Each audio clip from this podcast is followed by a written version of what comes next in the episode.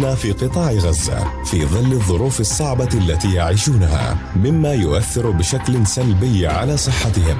تسعى الإغاثة الطبية الفلسطينية إلى تقديم سلسلة حلقات من خلال هذا البودكاست عبر أجيال للتوعية عن الوقاية من الأمراض المعدية ومتابعة الأمراض المزمنة وكيفية تقديم الإسعافات الأولية ورعاية الحوامل والواضعات ودعم الصحة النفسية وقت الطوارئ والأزمات.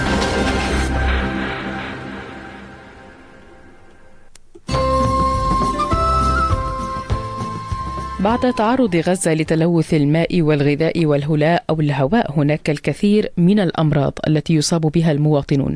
حالات تسمم كثيرة ربما لم تسلط عليها الأضواء كما يجب. وستظهر جلية للعالم بعد انتهاء الحرب. نازحون من مناطق متفرقة من القطاع يقولون في أحاديث متفرقة ومنفصلة. إن أكثر الأمراض المنتشرة بينهم هي النزلات المعوية وما يرافقها من تقيؤ وارتفاع في درجات الحرارة والإسهال المعوي إلى جانب الأمراض الجلدية الكثيرة التي بدأت تنتشر بين النازحين. نتحدث عن ذلك بشكل أوسع مع الدكتور محمد سكافي مدير الإسعاف والطوارئ في جمعية الإغاثة الطبية. مرحبا بك معنا. أهلا بكم. هلا بكم يعني بدأت بعض الأخبار تنتشر وإن كانت قليلة عن حالات التسمم الغذائي عن آه، آه، أيضا الأمراض الجلدية وكل ذلك هو من تبعات هذه الحرب. اليوم كيف للنازح وهو بين آلاف النازحين أن يقي نفسه من كل هذه العدوات يعني آه، جسم الإنسان والأمعاء بالذات والمعدة مبنيين على أساس أنه يدخلهم طعام سليم. وطعام لا يحتوي على بكتيريا. وطعام خلينا نقول معد بطريقة جيدة ومحفوظ بطريقة جيدة. لكن اللي بيحصل في غزة وبيحصل كمان في الضفة في أماكن كثيرة بأنه أحيانا بدخل جسم الإنسان طعام غير سليم طعام غير مخزن بطريقة جيدة أو غير مطهو بطريقة كاملة أو سليمة. فبتدخل فيه البكتيريا. وهذه البكتيريا أنواع كثيرة من البكتيريا. في منها البكتيريا الخطيرة وفي منها البكتيريا العادية البسيطة لكن كلها في النهاية بتؤدي إلى ضرر في الجهاز الهضمي. فبتبدأ عند الإنسان أوجاع بتبدأ عند الإنسان آه، مغص سخونة وبالتالي هذه الأعراض إذا كان الإنسان تناول خلينا نقول طعام حاليا وبعد ربع ساعة أو نص ساعة بدأ يشكي سواء طفل أو كبير بدأ يشكي من أوجاع شديدة من مغص من تقيؤ أحيانا من آه، انتفاخات في البطن. بدنا نحط احتمال بأنه ربما الطعام اللي تناوله طعام غير سليم أو يحتوي على بكتيريا. الآن بدنا ناخذ ظروف غزة. الله يعين أهلنا طبعا في غزة. لا في هلأ ثلاجات ولا في طعام ممكن يكون مخزن بطريقة سليمة. ولا حتى في آه، أبسط مكونات الحياة أو احتياجات الإنسان اللي هي المية والنظافة فهذا كله ممكن في النهاية يؤدي إلى تلوث. مش بس تلوث الطعام كمان تلوث في الأيدي تلوث في الأشياء المحيطة بالإنسان. فمثلا إذا طفل على سبيل المثال تناول طعام كان الطعام سليم لكن إيديه مش مستحيل. مش منظفات بمية بصابون فممكن من الإيدين ينتقل للطعام وينتقل للأمعاء المعدة والأمعاء وبالتالي صحيح. يحدث التلوث فإذا التلوث هو دخول بكتيريا في هذا الطعام بطريق مباشر أو غير مباشر وبالتالي يبدأ بإحداث الالام وإحداث تغيرات في الأمعاء. والمشكلة الأكبر بعد ذلك أنه ممكن يكون هذه آه، الأنواع من البكتيريا معدية وبالتالي تنتقل بين الأشخاص وتتفشى بشكل كبير الواقع العدوى عن طريق البكتيريا والطعام الفاسد خلينا نقول آه، تحدث عند تناول الطعام. عند تناول الطعام. لكن بعض أنواع البكتيريا ممكن تنتقل بواسطة الحمام. طبعا. هناك الوضع الحمامات يعني مش مش بأحسن مش لأنه فيش فيش مية فيش نظافة باستمرار. وبالتالي ممكن تنتقل عدوى عن طريق الحمامات مثل عدوى الأميبا.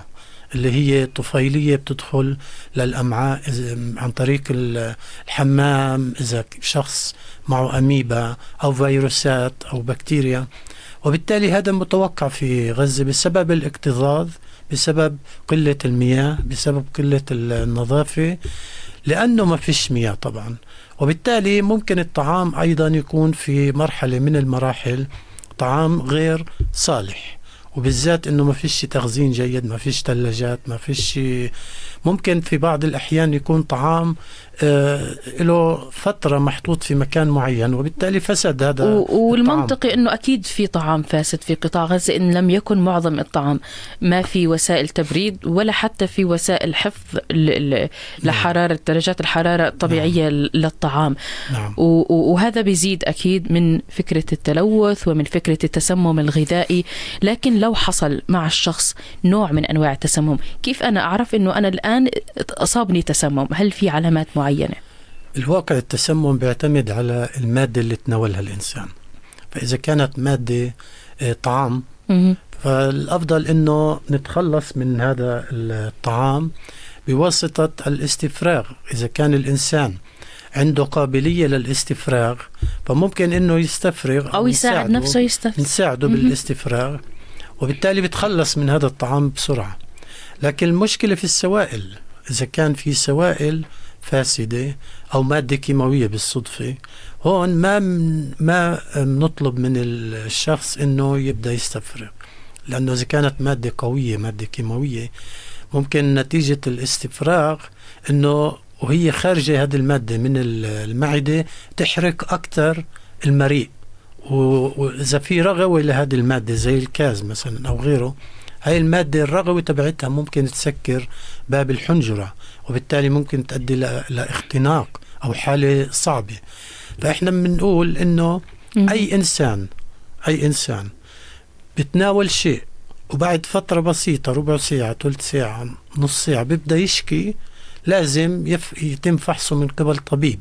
سواء طبيب في الميدان أو في المستشفى لحتى يقدروا يتخلصوا من هذه المادة اللي دخلت اللي هي تعتبر مادة سامة ما لم يثبت يثبت العكس. يعني باختصار ممكن يعني أقلها إذا نحن بدنا نتعامل كأشخاص عاديين مش أطباء إنه الشخص يتقيأ. هل بيلزم خطوات أخرى غير ذلك؟ خاصة وإنه في هلأ أكيد نازحين بيسمعونا ما عندهم رفاهية الذهاب للطبيب.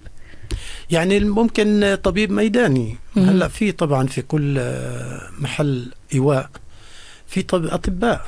بيجوا بيفحصوا الناس بيحكوا مع الناس بيشوفوا الناس. فيفضل الحالات اللي زي هاي تنعرض على طبيب إذا كان موجود. الآن ممكن يصير تسمم بأعداد كبيرة. يعني مثلا بالصدفة كان طعام فاسد مثلا أو مياه غير صالحة. آه، ممكن يصير تسمم بأعداد كبيرة وبالتالي لازم آه، وفد طبي أو آه، حد عنده خلفية طبية يجي يشوف هذه الحالات إيش اللي صار معها إيش المادة اللي, تناولتها. وبالتالي يتم التشاور. الحالات الصعبة اللي بيصير فيها استفراغ كتير وإسهال هاي بتتعرض للجفاف وبسرعة بتتعرض للجفاف. والجفاف خطير جدا. فلازم يتم علاجها في المستشفى بالسوائل زائد ربما تحتاج إلى مضاد حيوي عن طريق الوريد. لكن إذا كانت حالات بسيطة ونعرف السبب طعام فاسد بس التسمم بسيط ممكن إنه يتم علاجه بالسوائل اللي بتحتوي على الأملاح. زائد ربما يحتاج هذا الإنسان لمضادات حيوية معينة تتلائم مع طبيعة التسمم اللي, صار. يعني آه، كمان في موضوع آخر فيما يتعلق بالأمراض الجلدية واللي آه، أيضا ناتجة عن ظروف الحرب. آه، مراسلنا في قطاع غزة محمد الأسطل أخبرنا مرة بأنه الناس بالمئات وإن لم يكن بالآلاف بيروحوا على البحر وبيتحمموا من مية البحر لعدم توفر مياه نظيفة. نعم. هل ممكن يكون هذا الشيء جيد في حال علاج آه، بعض الأمراض مثل الطفح الجلدي أو الجرب وما إلى ذلك. نعم كلامك سليم. المية البحر دائما تحتوي على نسبة معينة من الأملاح. ومعروف بأنه الملح يعالج الكثير من الفطريات. مطهر. نعم مطهر طبعا. يعالج الفطريات يعالج الالتهابات الجلدية يعالج حتى الجرب اللي هو منتشر بدأ للأسف ينتشر في غزة. فالاغتسال بماء البحر هو يعني ظاهرة صحية وظاهرة ممتازة. لكن إذا كان المنطقة اللي بيغتسلوا فيها معرضة للتلوث بمياه المجاري أو المياه العادمة هون صار مشكلة. فكيف بدنا نعرف من لون الماء من إيش عمال بينزل في البحر من آه، تسربات جاية من التربة من الرمل. لازم الواحد ينتبه للأمور هاي. يعني بمعنى لون المي ممكن إذا كانت عكرة أو لا. بتصير غامقة وبتصير فيها يعني مبينة واضحة. بتكون معكوره وكأنها مغبرة. بالضبط. فلذلك يغتسل الشخص في منطقة نظيفة. المياه فيها مبينة مياه نظيفة. فهذه توصية طبعا لأهلنا. الآن بالنسبة للاغتسال لازم يتم الاغتسال على جميع الأحوال لأنه في ناس لهم يعني أيام وأسابيع ما اغتسلت وبالتالي اللي ما بيغت... اللي ما بتعرض جسمه للمياه أه توقعي بأنه الجسم هذا يصير فيه فطريات. مع أنها حامية مية البحر على الجلد لأنها مالحة. لا لا مش مشكلة. مش مم. مشكلة لأنه نسبة الملح في البحر عادة مش عالية كتير مم. مش عالية مش زي البحر الميت, الميت. نسبة الملوحة فيه 40% تقريبا البحر الأبيض آه، الملوحة فيه مش عالية كتير تكاد تكون 10% بس جسم الإنسان اللي زمان له ما اغتسل بحاجة لهذا الاغتسال وحاجة للمية هاي اللي فيها شوية ملوحة لكن الأطفال وهون هذه توصية طبعا. الأطفال الصغار بالعمر اللي عمرهم أشهر ممكن المية المالحة تضرهم. لأنه بيكون جلدهم لسه. جلدهم لسه بيمتص الميه المالحة وبالتالي ممكن نعرض الطفل لمضاعفات بسبب دخول المياه المالحة والملح من خلال جلده يعني هو لجسمه. اطلاقا مش لازم يتحمم ببيت البحر. يعني لو تحمم ورجعنا آه، حطينا عليه مثلا ميه حلوة مش رح تحل المشكلة. مش لا بتحل المشكلة. بس كيف؟ إنه ما يكونش عمره أشهر يعني شهر وشهرين وثلاثة وأربعة. يعني يفضل اللي بدهم يستحموا في مية البحر الصغار يكون عمرهم فوق السنة أو فوق السنتين وإذا استحموا يتم شطف جسمهم بماء طبيعي آه، فورا. بس الكبار مش مشكلة ما في مشكلة. شو أبرز الأمراض اللي بتنتشر بسبب الازدحام؟ يعني خاصة الآن في مراكز اللجوء الجلدية. الأمراض الجلدية أكثر شيء بلش ينتشر في غزة وللأسف اللي هو الفطريات. وبأعداد كبيرة جدا. والجرب وأمراض أخرى التهابات جلدية وغيرها. الآن ليش؟ السبب هو قلة استعمال المياه بسبب عدم توفر المياه. أصلا. وبالتالي الفطريات فرصة إلها إنها تنمو بين الجسم اللي ما ما ما تعرض للمياه فترة طويلة وفي عرق في الجسم وفي كمر للجسم فيش تنفيس للجسم. وبالتالي كل هذه الظروف بتساعد الفطريات إنها تنمو بسرعة. خاصة إذا الناس هناك فترة طويلة مثلا ما بيشلح الحذاء صح. ما بضل في نفس الجرابات لأنه مش قادر فيش حل تاني وفي برودة وبالتالي بدهم يضلوا بنفس الأواعي بنفس الجرابات بنفس الأحذية. هاي كلها بتساعد على نمو الفطرية. واحد من النازحين وهو بالمناسبة أحد المسعفين في قطاع غزة تم اعتقاله لمدة 40 يوم طيلة ال 40 يوم. طبعا هو ومجموعة كبيرة من الأشخاص الشباب. ما تحمموا وما غيروا كمان ملابسهم وهذا الشيء إجباري يعني مش كان نعم. في عندهم ولا حتى خيار بنسبة واحد بالمية حتى إنهم يشوفوا الشمس وهيك إحنا بنتأكد إنه الأمراض هي آه، شيء قاهر خاصة لما نعم. يتعرض نعم. الموضوع نعم. أو إذا ما كان الموضوع متصل بالجرب أو أمراض جلدية وطفيلية أخرى نعم. بتصيب الجلد وهذا يقودنا أيضا للعدوى. يعني انت حتى لو أنت رحت وتحممت ونظفت جسمك وكان في رفاهية إنه يكون في عندك ملابس أخرى كمان أنت ممكن تتعرض للعدوى. بالضبط. والجرب بنتشر بسرعة بنتشر عن طريق الملامسة. يعني إذا في حد عنده جرب طفل أو كبير مجرد ملامسة الإنسان لجلد هذا الإنسان اللي عنده العدوى بنعدي. حتى بالمصافحة. خاصة عن طريق المصافحة. ثاني شيء عن طريق المحلات اللي بينام فيها اللي عنده الجرب اللي هي الفرشة والغطا والحرام. هاي أيضا الطفيلية بتكون صارت موجودة بهذا الغطا وبهاي الفرشة وبالتالي أي شخص تاني بيستعمل نفس المحل. وبتعرفي في غزة يعني فرشة واحدة بيناموا عليها ثلاثة أربعة غطا لأربع خمس أشخاص. إذا واحد انعدى بالجرب أتوقع بأنه بسرعة ينتقل هذا كيف يتعامل؟ الوقاية. غير الوقاية يصيب العلاج. لازم يتم علاجه فورا. وفي علاجات في دهون بنعطى وبقضي على الجرب في خلال يوم يومين وبتنتهي الموضوع. بس لازم يتعالجوا كل الحالات اللي تواصلوا مع هذا الشخص أو مع هذا الطفل وتم ملامسة ما بينهم عن طريق الجلد. أو المصافحة لازم كلهم ولو دهنة واحدة لكل طفل أو كل شخص دهنة واحدة أساس نضمن بأنه ما ينتشر الجرب. موجود موجود هذا النوع من الدهون؟ المفروض أنه موجود المفروض أنه موجود وفي توصية بأنه الآن الأدوية اللي لازم توصل لغزة تكون محتوية على العلاجات للجرب والالتهابات الجلدية والفطريات وغيرها. هي توصية. طيب الآن يمكن معنا دقيقة واحدة فقط. ممكن نحكي فيها رسالة لأهلنا في قطاع غزة وعلى شكل نصيحة آه، بالمتوفر وبأيضا المنطقي حتى يحموا نفسهم من كافة أنواع التسمم وأيضا من آه، كافة أنواع الأمراض الجلدية. يعني هذه توصية أكثر شيء ممكن تكون للأمهات لأنه أكثر شخص بيراقب الحدث في مراكز الإيواء هم الأمهات أو النساء خلينا نقول. لأنه الرجال ملتهيين بأشياء كثيرة والله يساعدهم. بس النساء هم موجودين والأطفال حواليهم. صحيح. ونساء بأعداد كبيرة وأطفال بأعداد كبيرة. إذا كانت أم لاحظت بأنه في مشكلة عند طفلها تتعلق بمرض جلدي أو غيره لازم تعلن وتحاول تجيب طبيب أو تعرض هذا الطفل أو على طبيب تشوف شو المشكلة.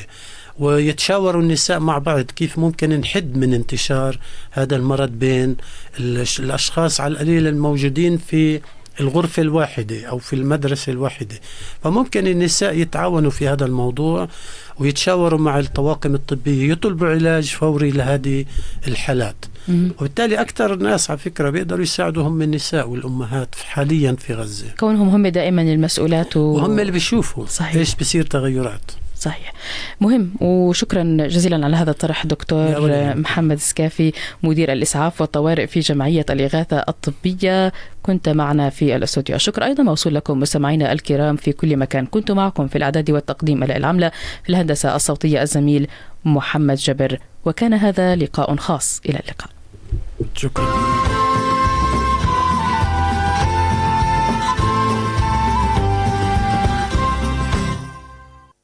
كنتم مع واحدة من سلسلة حلقات هذا البودكاست لجمعية الإغاثة الطبية الفلسطينية عبر شبكة أجيال للتوعية عن الوقاية من الأمراض المعدية ومتابعة الأمراض المزمنة وكيفية تقديم الإسعافات الأولية ورعاية الحوامل والواضعات ودعم الصحة النفسية وقت الطوارئ والأزمات مع أمنياتنا بالصحة والسلامة لجميع أهلنا في قطاع غزة.